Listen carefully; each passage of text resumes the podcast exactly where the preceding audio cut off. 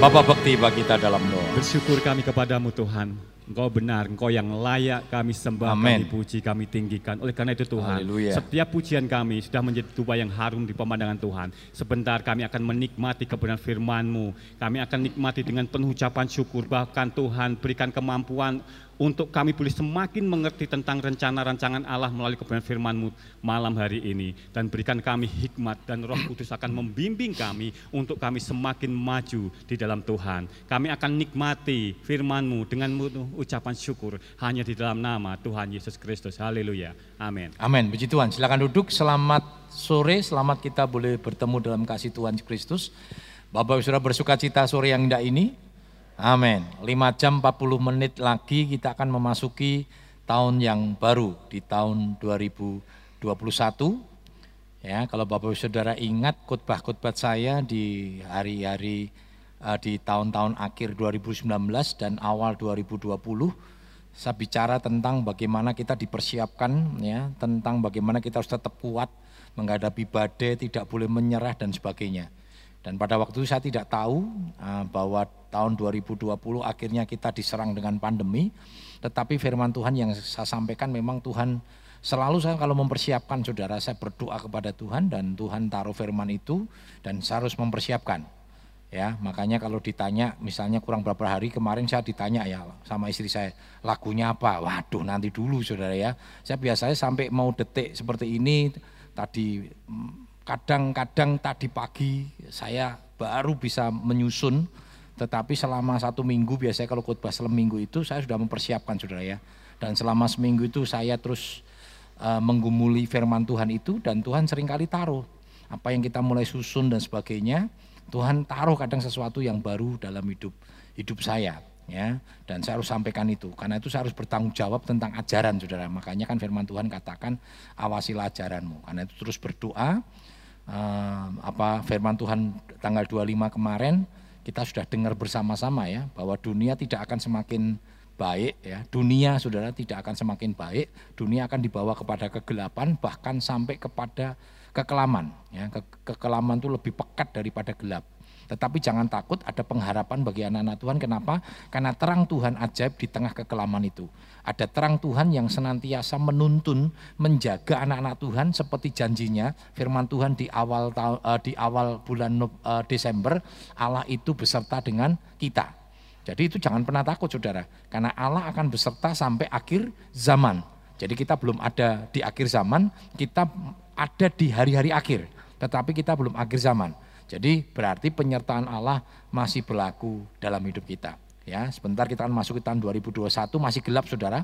Tadi sebelum jeda antara ibadah jam 4 dan jam ke-6 saya eh, melihat televisi tentang vaksinasi. Vaksinasi baru akan selesai di tahun 20 2022 akhir ya 2022 akhir. Jadi tahun tahun depan tahun 2021 kelihatannya kita masih dengan gaya seperti ini Saudara ya.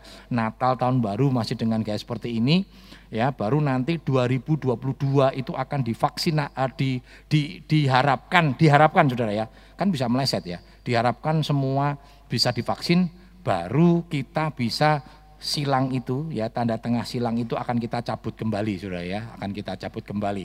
Natal bisa 1200 bahkan 2000 nanti Saudara ya. Kita kita akan bersama-sama ke sana Saudara ya. Dan ini kita harus terus berdoa untuk lansia Saudara ya. Karena lansia itu nanti mendapatkan vaksin paling terakhir. Ya itu pun masih akan dicek apakah aman atau tidak. Karena vaksin ini kan virus Saudara ya. Jadi lansia masih harus bersabar untuk ibadah Eh, dua tahun ke- dua tahun lagi saudara ya. Dua tahun lagi. Aduh sedih saudara ya. Anak-anak sedih saya udah kangen sama anak-anak. Saya ini seneng anak-anak saudara ya.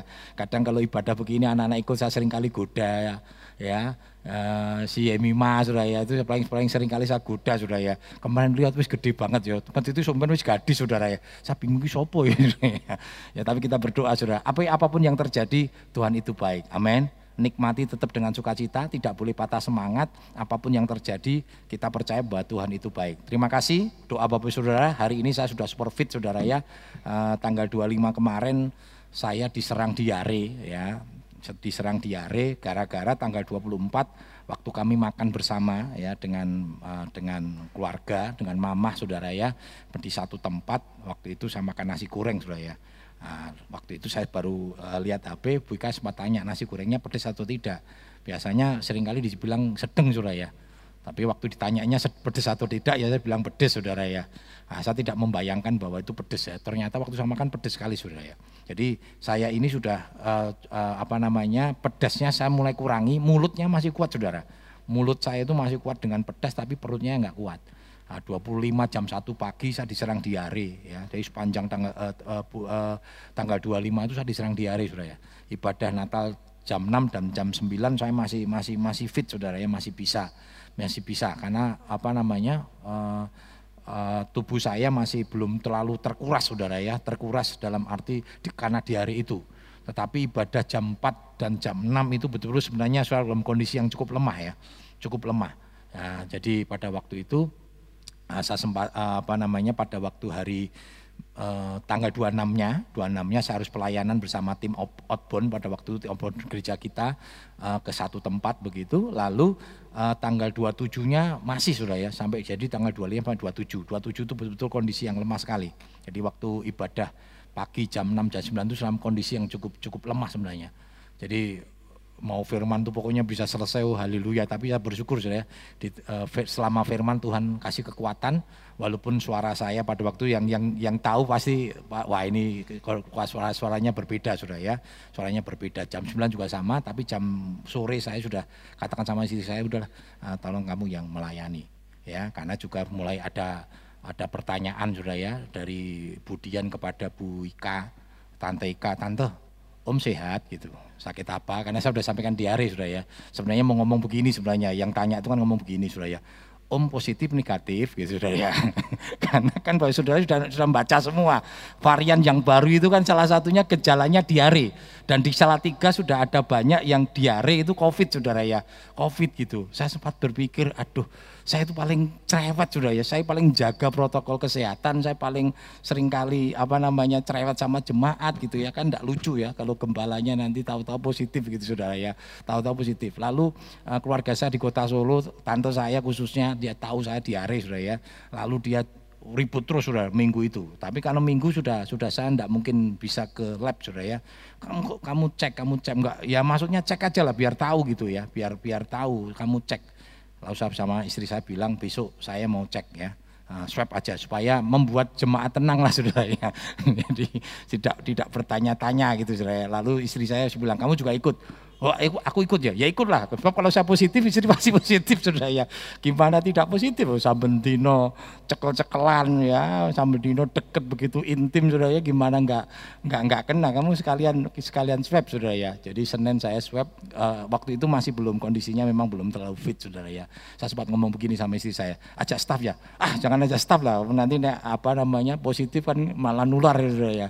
Istri saya bertanya gini, pih nanti kalau positif ya katanya. Sempat bilang, us nggak usah pikir begitu, us pokoknya nanti negatif lah saudara. Ya negatif. Kalau positif itu kira-kira 20 tahun yang lalu saya senang saudara ya waktu dikasih kabar sama ibu, ibu Ika waktu pelayanan, pi saya positif. Waduh sukacita karena itu ditunggu tiga, tiga tahun saudara ya waktu Noel itu saudara ya. Saya bilang udah kita cek aja saudara, cek ya ya jujur. Saya sebenarnya bukan takut bukan takut positif negatifnya. Takut kalau betul positif itu bukan masalah tuh tekanan mentalnya itu saya tekanan mentalnya apalagi saya sebagai gembala itu waduh secara moral beban sudah ya satu paling cerewet masalah protokol malah om kok kena dewi gitu sudah anak saya pun sempat tanya ya si Dio tanya sama maminya dia sempat cerita mi Mami masih bubuk sama papi katanya. Aduh, anak saya sendiri aja ini sudah ya sudah mulai menjauh ya. Memang mama mama sudah dikasih tahu jangan-jangan ke rumah dulu ya. Jadi anak saya dia sempat tanya sama sama mamanya, "Bih, uh, mami masih tidur sama papi ya katanya. Waduh, ki papi ini urung positif sudah di di, di anu positif sudah ya.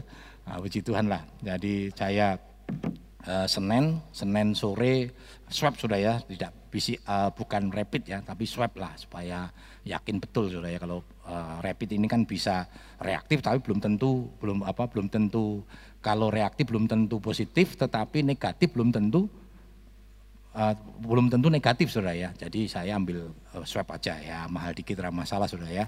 Jadi kita ambil ini menunggu ya. Menunggu juga sudah katanya nanti jam 5 jam apa namanya nanti ya sebelum jam 5 kalau sudah jadi di email sudah. Ternyata yang swab banyak Kalau mereka punya kepentingan berpergian, saudara ya. Kalau saya butuh kepastian kan gitu. Nah akhirnya sore itu di Tegarejo ada ucapan syukur ya, rayon Tegarejo. Saya rada terlambat saudara. Saya berpikir bisa jam 5 ya, sampai setengah, lim, setengah 6 belum saudara ya. Baru keluar muncul 6, 6 kurang seperempat. Ya, kita buka dengan dalam nama Tuhan Yesus Kristus saudara. Ya dan biasanya dulu kalau waktu zaman Bu Ika negatif kita gelo saudara ya. Hari ini puji Tuhan saudara ya negatif. Nah, puji Tuhan ya kami berdua negatif. Jadi aman saudara ya. Amin saya sempat mikir begini, saya ini jaga ini sudah ya, tapi saya yakin sudah ya bahwa itu karena karena makanan. Tetapi kan ini kan mengerikan saudara ya, hari-hari ini variannya kan baru sudah ya, diare. Dan beberapa di Salatiga ini sudah terkena gara-gara diare. Ya, tapi puji Tuhan doa Bapak Ibu Saudara COVID minggat saudara rawani saudara ya, tapi tetap jaga ya saudara, jaga protokol kesehatan, jangan lupa ya, tetap tetap senantiasa mengucap syukur karena mengucap syukur meningkatkan imun. Karena itu eh, sore hari ini kita akan melihat tentang nyanyikan nyanyian baru atau bersyukur. Mazmur 96 ayat yang pertama. Mari kita bangkit berdiri bersama-sama. Kita akan baca ayat ini bersama-sama.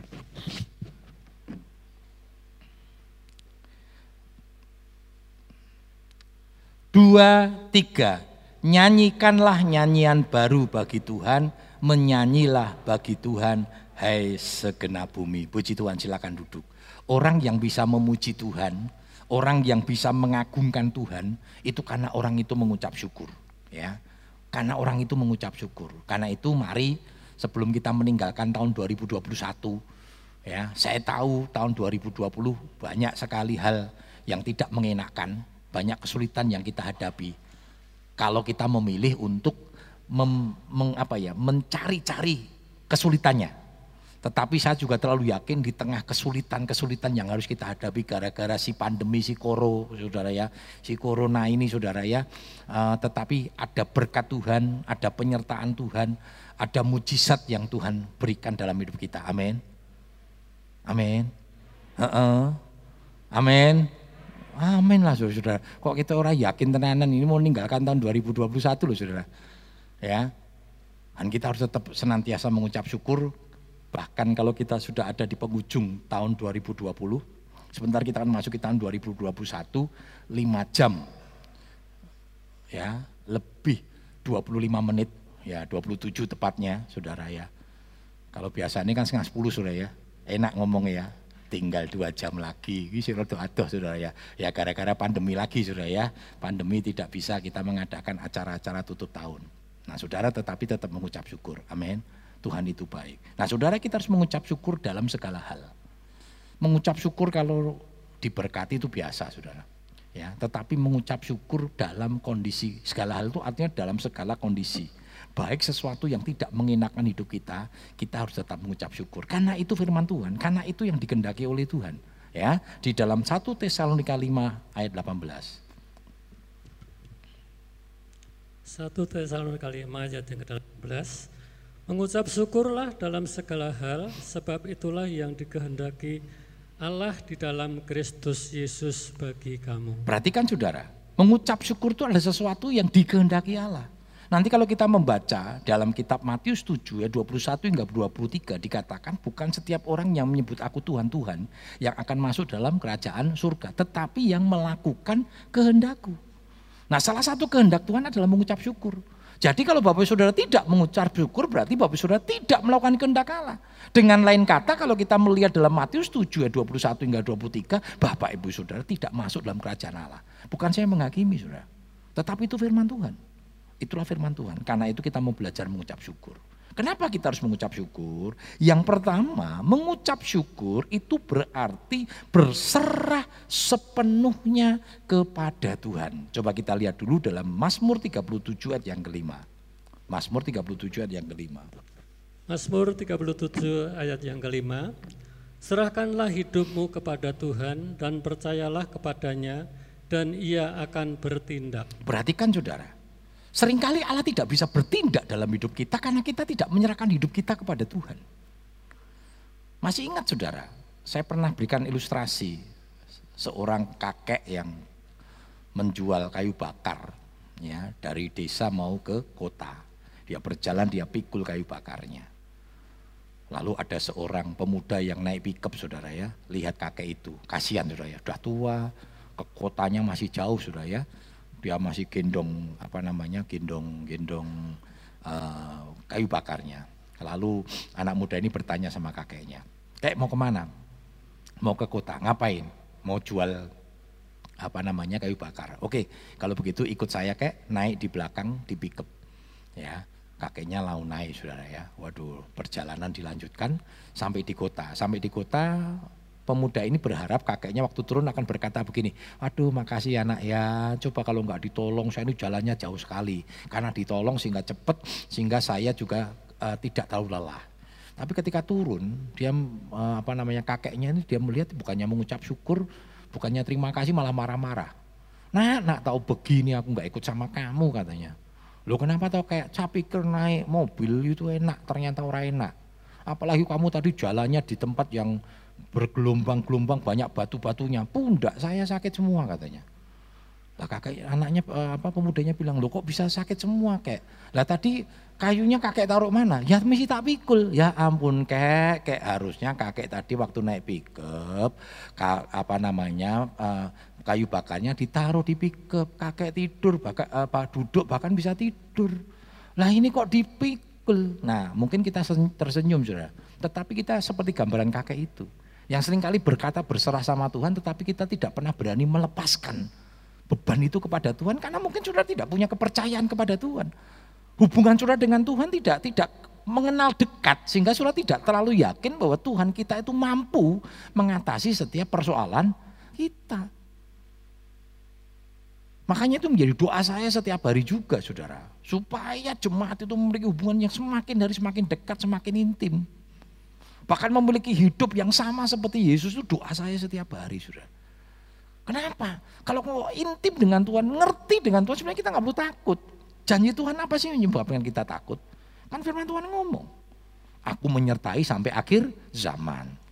Kalau Allah di pihak kita, siapa lawan kita? Sebenarnya kalau kita tahu firman Tuhan ini dan tahu siapa yang menyertai kita, nggak akan pernah takut. Siapa yang beserta dengan kita, siapa yang membela kita, sudah nggak akan pernah takut, saudara. Nggak akan pernah takut. Tapi karena kita tidak mengenal Tuhan dengan baik, sehingga kita kita masih meragukan bahwa Tuhan itu mampu. Nah saudara kata berserah kepada Tuhan memiliki beberapa pengertian. Yang pertama, berserah kepada Tuhan itu artinya turut dan mengikuti kehendak Tuhan dalam hidupnya.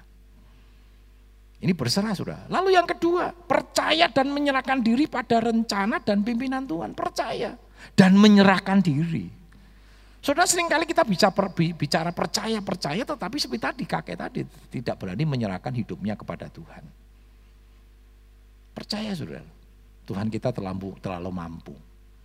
Ya, terlalu mampu untuk mengurus hidup kita. Terlalu mampu untuk mempersiapkan jalan hidup kita di hari-hari yang akan datang. Hari depan kita. Manusia kan tidak pernah mampu saudara. Betul nggak? Kita ini kan hanya mampu menilai setelah peristiwa itu ter, terjadi. Betul nggak sih? Tanggal 25 saya punya rencana yang ini sudah wah nanti khotbah begini-begini jam sekian begini rancangan-rancangan dengan apa keluarga dan sebagainya dengan uh, mama saya gitu ya. Tapi ternyata buyar kabeh saudara. Ternyata buyar semua. Ya, tetapi Tuhan punya rancangan yang terhebat. Yang ketiga, berserah itu artinya berpikiran positif, optimis. Kenapa berpikiran positif? Karena kita tahu siapa yang jadi pembela kita. Karena kita tahu siapa yang ada di belakang kita. Kalau setika 23 kata uh, kalau setika yang pertama katakan apa? Pikirkanlah perkara yang di atas. Kalau kita hanya mikir ke covid itu saudara, stres. Imunnya menjadi lemah. Makanya salah satu salah satu yang yang dikatakan oleh pemerintah kan iman dulu sudah. Iman itu pertama, itu penting sudah. Percaya bahwa Tuhan kita tidak pernah membiarkan kita. Tapi yang menjadi pertanyaannya kan seberapa besar sudah punya percaya kepada Tuhan itu dengan sungguh-sungguh ya. Yang keempat, mempunyai semangat hidup yang tinggi dan yakin akan pembelian Tuhan dan atas hidupnya. Semangat. Hati yang gembira adalah obat saudara. Itu semangat. Biasanya kalau enggak semangat saudara, loyo, betul ya saudara? Loyo, harus semangat, disemangati. Biasanya kalau ada orang sakit-sakit saudara ya, kasih semangat. Dulu di Esther itu saudara ya, di wanita Esther ada salah satu anggota Esther, walaupun akhirnya dipanggil pulang ke surga saudara. Ya, dia sedang mengalami satu sakit ya, waktu itu terkena kanker ya, terkena kanker. Nah, saya senang saudara. Ya. Saya sering kali juga dibel saudara. Ya, kalau udah malam begitu ah, istri saya dibel ya, tante doakan ya doakan. Tapi saya bilang sama istri saya jam satu jam dua yuk kita datang. Kita doakan. Kasih semangat lagi sudah kasih semangat lagi tidak boleh loyo. Dan saya senang ya teman-teman dari Astor itu memberikan semangat ya. Ulang tahun dibawain ini. Itu intinya apa? Ayo semangat semangat semangat. Hadapi hidup semangat. Jangan dikalahkan oleh penyakit. Jadi waktu meninggal pun meninggal dengan sukacita saudara. Meninggal dengan pengharapan di dalam Tuhan.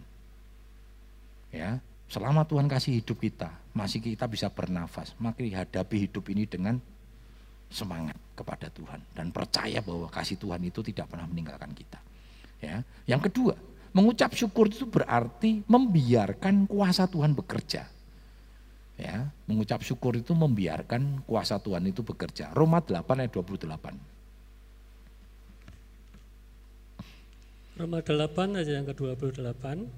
Kita tahu sekarang bahwa Allah turut bekerja dalam segala sesuatu untuk mendatangkan kebaikan bagi mereka yang mengasihi Dia, yaitu bagi mereka yang terpanggil sesuai dengan rencana Allah. Saya sudah terlalu sering mengulas ayat ini, ya.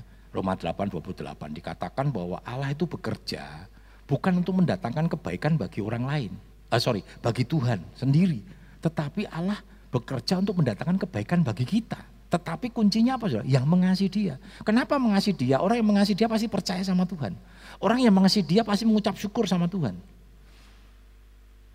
Bagaimana Tuhan mau bekerja untuk orang yang tidak mengasihi dia? Tidak mungkin percaya sudah, betul nggak sudah? Dia tidak mungkin percaya. Dia juga nggak mungkin mau kalau Allah itu ikut bertindak dalam kehidupannya. Ayat ini sudah sudah sering kali saya ingatkan kepada kita, saya berharap ayat ini menjadi kekuatan kita sehingga kita tidak menjadi takut menghadapi hidup ini. Bayangin yang ngomong Tuhan loh saudara. Yang ngomong Tuhan, ah, Allah terus bekerja untuk mendatangkan kebaikan. Dengan bahasa lain gini, aku akan bekerja untuk kebaikanmu. Untuk kebaikanmu. Bekerja dalam hal apa? Dalam segala hal. Dikatakan, dalam segala sesuatu dalam rumah tanggamu, dalam pekerjaanmu, dalam kuliah sekolahmu, Allah ingin bekerja. Tetapi pertanyaan mau enggak Allah bekerja untuk kita? Kalau kita enggak mau Allah bekerja untuk kita, kita maunya kerja, kita yang ngurus apa dewe ya enggak bisa saudara. Izinkan Tuhan bekerja dalam hidup kita. Kenapa saudara? Karena kedahsyatan kuasa Tuhan itu melampaui batas kekuatan manusia. Ya, Kenapa kita mengizinkan Allah bekerja atas hidup kita? Karena kemampuannya, kedahsyatannya, kehebatannya itu melampaui batas kekuatan manusia. Terlalu sombong sekali kalau kita ini tidak mau Tuhan ikut campur dalam hidup kita. Apa saudara mampu mengatasi hidupmu? Apakah engkau mampu mengatasi hari depanmu? Apakah kau mampu mengatasi hari depan anak-anakmu? Jangankan anak-anakmu, hari depan kita aja kita nggak pernah tahu, sudah. Betul nggak, sudah? Terlampau banyak rancangan-rancangan dari sebuah keluarga yang akhirnya berantakan. Yang akhirnya berantakan, ya. Yang rasanya secara manusia itu i, ironis. Saya udah ngalami Tuhan izinkan. Keluarga kami waktu mama kami dipanggil Tuhan itu, waduh rasanya kami punya rancangan yang hebat ya untuk kakak saya yang mau nikah, untuk saya yang mau kuliah. Tahu-tahu berantakan itu. Berantakan saudara. Tapi untung saya betul-betul ditangkap oleh Tuhan. Dan tetap mempercayakan hidup saya kepada Tuhan. Dan percaya bahwa Tuhan bekerja dalam hidup saya. Sehingga adik-adik saya, saudara, kakak saya, saya ingatkan terus untuk tetap percaya kepada Tuhan. Ayah saya sempat kecewa saudara, ya sempat kecewa bahkan tidak mau berbuat apa-apa. Sempat beberapa tahun begitu. Akhirnya bangkit kembali. Walaupun untuk percaya sama Tuhan butuh waktu 22 tahun sudah. Tapi saya tahu sudah, 22 tahun itu Allah bekerja dengan dahsyat. Karena ayah saya pun di akhir hidupnya akhirnya kembali sama Tuhan. Dalam satu keadaan yang indah dan mulia. Ya, saudara, coba kita lihat Efesus 3 ayat 20. Efesus 3 ayat yang ke-20. Bagi dialah yang dapat melakukan jauh lebih banyak daripada yang kita doakan atau pikirkan, seperti yang ternyata dari kuasa yang bekerja di dalam kita. Perhatikan saudara, ya. Jadi bagi Tuhan itu dapat melakukan jauh lebih banyak daripada apa yang kita doakan dan kita pikirkan. Ada pujian dikatakan bahwa apa yang tidak pernah kita pikirkan Tuhan sediakan saudara. Bahkan saya saksikan dengan ketulusan dan kerendahan hati saya. Apa yang saya alami sampai detik ini itu di luar jauh apa yang pernah saya pikirkan tapi Tuhan sediakan. Dan terlampau banyak dalam perjalanan hidup saya, saudara. Apa yang saya terima dari Tuhan itu tidak pernah saya pikirkan, tapi Tuhan siapkan. Masih ingat kan waktu saya mau, nik uh, saya mau nikah, saudara. Ada teman saya yang ngasih kulkas, saudara. Sementara saya nggak punya apa-apa, hadiah pertama kali pernikahan itu kulkas, saudara. Waktu saya tanya, kenapa kamu ngasih kulkas? Saya tahu kamu senang RS, saudara. Senang RS. Makanya dulu saya, karena dia tahu saudara, kalau waktu di Jakarta itu saya beli es batu dikeprui ya buat minum RS. Kalau dia bilang supaya kamu nggak usah beli es batu dipukul-pukul sudah ya, kamu bisa membuat sendiri di rumah. Saya kaget sudah. Saya nggak pernah mikirin sudah. Sampai kesenangan saya RS Tuhan nggak pernah, saya nggak pernah pikirkan. Tuhan ngerti, apa enggak luar biasa Tuhan itu. Apa Tuhan tuh nggak luar biasa? Lo saya nggak pernah ngalami sudah. Cek dulu, dicek hubunganmu sama Tuhan seperti apa. Jangan cuma nuntut tok. Sering kali kita nuntut janji Tuhan, tapi engkau tidak pernah hidup dalam janjinya Tuhan. Kalau engkau hidup intim dengan Tuhan, bergaul karib dengan Tuhan, jaga hidupmu sungguh-sungguh sama Tuhan. Tuhan pelihara hidup kita. Ya, yang ketiga, mengucap syukur berarti menerima rencana Tuhan. Ya. Kalau tadi percaya sekarang menerima sudah. Gak cuma percaya tok. Tetapi kita harus menerima. Ada banyak orang menerima dalam hidupnya sesuatu yang tidak nyaman. Ya karena saudara senang tidak senang, suka tidak suka, tidak bisa menghadapi itu ya. Apa yang sudah alami, sudah mau apa. Seringkali tapi hadapi itu dengan kemarahan. Ada banyak orang menghadapi pandemi ini, efek akibat dari pandemi, kesulitan-kesulitan pandemi ini dengan kemarahan. Masih ingat ya video ya di beberapa dulu kan sempat macam-macam sudah. Ono sing stres sudah hutan-hutan keluar ngeligo sampai ngomong nanti corona. Ayo, wani kini corona itu edan saudara sudah. Ini raiso nompo saudara. Nggak bisa nompo dan banyak efek ini terlalu banyak saudara. Terlalu banyak. Tetapi kita belajar sudah. Tetap percaya sama Tuhan, tetap jaga, tetap sebagai anak Tuhan ya taati pemerintah sudah ya. Dan percaya apa pun yang terjadi ya percaya bahwa Tuhan itu punya rencana yang terindah. Coba kita lihat Amsal 19 ayat 21. Amsal 19 ayat yang ke-21. Banyaklah rancangan di hati manusia, tetapi keputusan Tuhanlah yang terlaksana. Amin. Banyak. Memang manusia harus merancangkan, saudara. Saya ini tipe orang yang selalu membuat planning. Saya membuat planning, saudara. Bahkan setahun ini saya sudah punya planning. Tahun 2000, waktu memasuki tahun 2000 itu saya sudah punya planning, saudara ya. Oh ini kira-kira ini, bulan ini, kira-kira ini, bulan ini, kira-kira Planning baik pribadi saya, pelayanan saya, anak-anak saya, ya keluarga saya. Hari libur itu saya sudah punya planning. Ini yang dia, tulan yang di karena saya perlu family time untuk anak-anak saya. Ya, walaupun begitu corona buyar kabeh, Saudara. Ya, corona buyar semua. Rancangan-rancangan itu sudah sudah buyar semua. Tetapi kita bukan berarti tidak boleh merancangkan. Kita boleh buat plan, Saudara. Tetapi plan itu harus diserahkan kepada Tuhan. Nah, kalau Tuhan yang akhirnya memilih supaya plan plan Tuhan itu yang harus terlaksana ya nggak usah marah. Karena plan Tuhan itu pasti lebih baik daripada planning kita. Menerima saja, saudara. Menerima saja. Ya. Rencana manusia itu bukanlah rencana Tuhan. Coba kita lihat dalam Yesaya 55 ayat 8 dan 9.